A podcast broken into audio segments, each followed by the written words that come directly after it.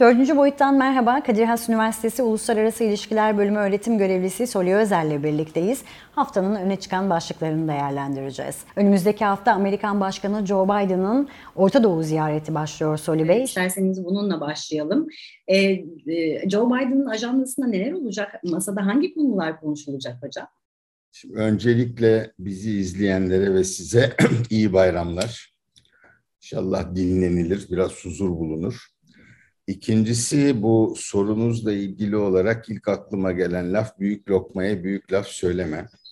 Biliyorsunuz e, başkan, şimdi başkan olan Biden kampanya sırasında e, Suudi Arabistan'ın fiili yöneticisi Muhammed Bin Salman'ı bir parya olarak e, değerlendirdiğini söylemişti. Ve kendisiyle de bir alışverişi olmayacağını başkanlığı sırasında söylemişti. E, şimdi anlaşılan epeyce uzun tartışmalardan ve e, kendi arzularının sonra ve kendi arzularının hilafına e, orta ilk Orta Doğu gezisinde İsrail ve Suudi Arabistan'a gidecek ve e, Muhammed Bin Salman'la da ister istemez el sıkışacak ve konuşacak.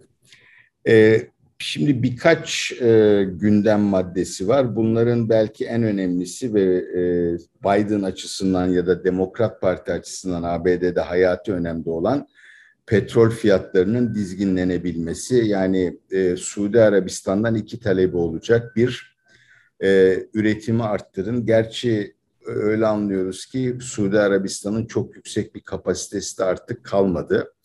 İkincisi de e, Suudi Arabistan'ın e, Rusya ile yapmış olduğu iki kez de yanılmıyorsam yenilenen anlaşmayı bozması ve e, Rusya ile koordineli bir şekilde hareket etmemesi bunun da bu tabi e, petrol arzına bir e, sınır getiriyordu fiyatları yüksek tutabilmek için e, bu şekilde fiyatların düşeceğini ümit ediyor. Birinci şey bu. İkincisi ve e, Amerikan e, yorumcularının bir kısmı tarafından eleştirilen, bir kısmı tarafından da açıkçası beni deli edecek şekilde savunulan da İran'a karşı bir e, cephe oluşturulmasında e, Suudi Arabistan'ın adım atmasını beklemek.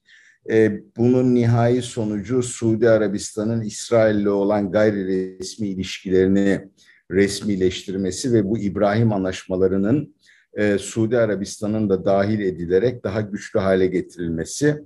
E, şey, Suudların da derdinin e, İran olduğu biliniyor. İran'ın nükleer e, silahlara sahip olma potansiyelinden korktuğu biliniyor. İsrail ile birlikte İran'ın nükleer programına en isterik şekilde karşı çıkan ülke de Suudi Arabistan'dı. Ee, işte bu yüzden de işte bir Orta Doğu ya da Arap NATO'su olur mu filan gibi de bir e, tartışma da başladı. Ben o ikinci buna bir pek ihtimal vermiyorum ama e, bütün bu yorumlarda beni en çok rahatsız eden, delirttiğini söylediğim şey de şu. Eğer Amerika Birleşik Devletleri bir önceki Başkan Trump döneminde İran'la yapılmış olan anlaşmadan vazgeçmiş olmasaydı bugün biz bir kez daha İran'ın nükleer programı ve nükleer silah üretmenin eşiğine geldiğinden bahsetmeyecektik. Fakat e, yani Amerikalılar bu tarih yokmuş gibi konuşmayı seviyorlar. Neyse Suudi Arabistan'dan istenecekler bunlar.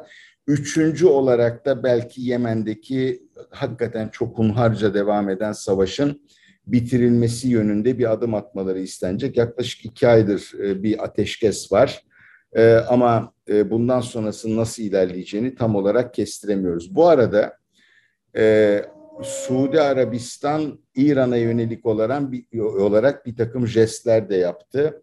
Ee, bir önemlisi Lübnan'daki büyükelçileri, e, Lübnan'daki Hızbullah örgütünün ki İran'a çok yakın bildiğiniz gibi manevi lideri, kurucu manevi lideri Fadlallah'ın oğluyla gidip konuştu. Yanılmıyorsam da iki ülke dışişleri bakanları arasında da bir temas olacaktı. Şimdi İsrail'de koalisyonun dağılması sonucunda sonbaharda da bir e, seçim olacak. Yolsuzluk suçları ile suçlanan Netanyahu sonbaharda seçimlerde iktidarı tekrar zorlar mı?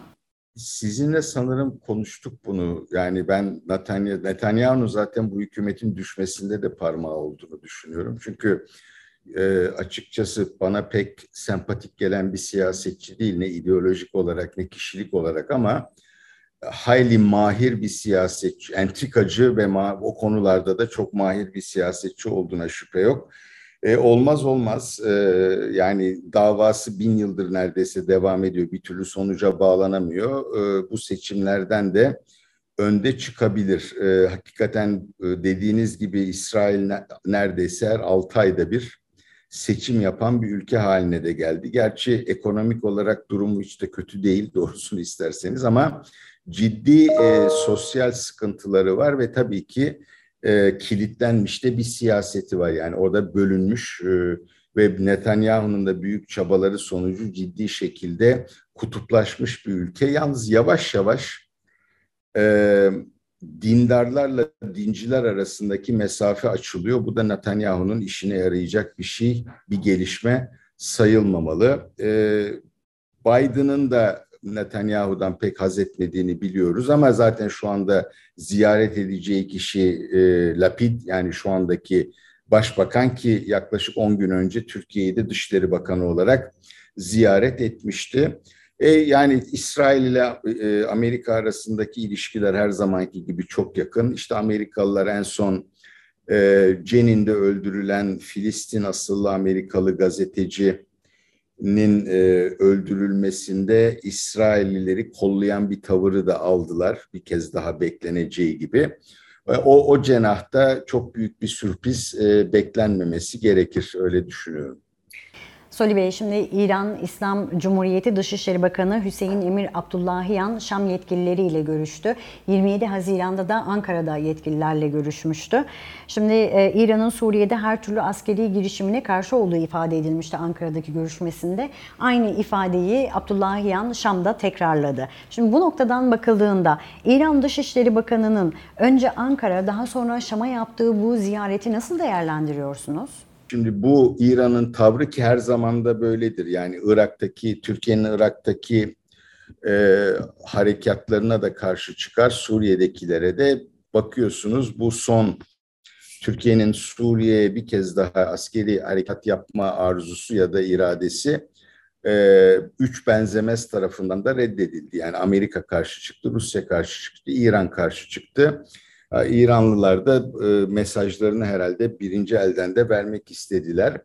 Onun dışında e, Şam'a gitmiş olmasında da sürpriz bir şey yok. Arka planda eğer Suriye'deki savaşı bitirmeye yönelik bir şey dönüyorsa ben bununla ilgili bir şey okumadım ama bu olmadığı anlamına gelmiyor. Yani onu, onu söylemiş olayım. Ee, şimdi e, Orta Doğu'da bir yeni düzen kurulacak. Şu anda herkes bir peşrev yapmakla meşgul. E, Türkiye bir arayış içinde, Suudi Arabistan bir arayış içinde.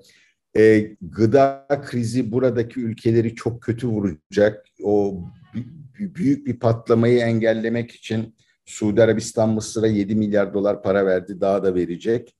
E, çünkü ekmek fiyatları çok yükseldiği takdirde bir olay çıkması ihtimali var.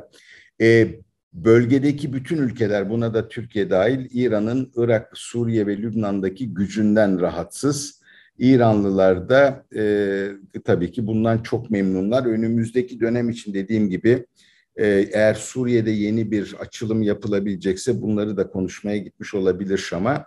Şam'da da e, yani rejim bütün acımasızlığıyla e, ve hırsızlığıyla yönetmeye de e, devam ediyor. Oradan da çok umutlu olamıyorum ben daha iyi bir noktaya gelineceği konusunda doğrusu.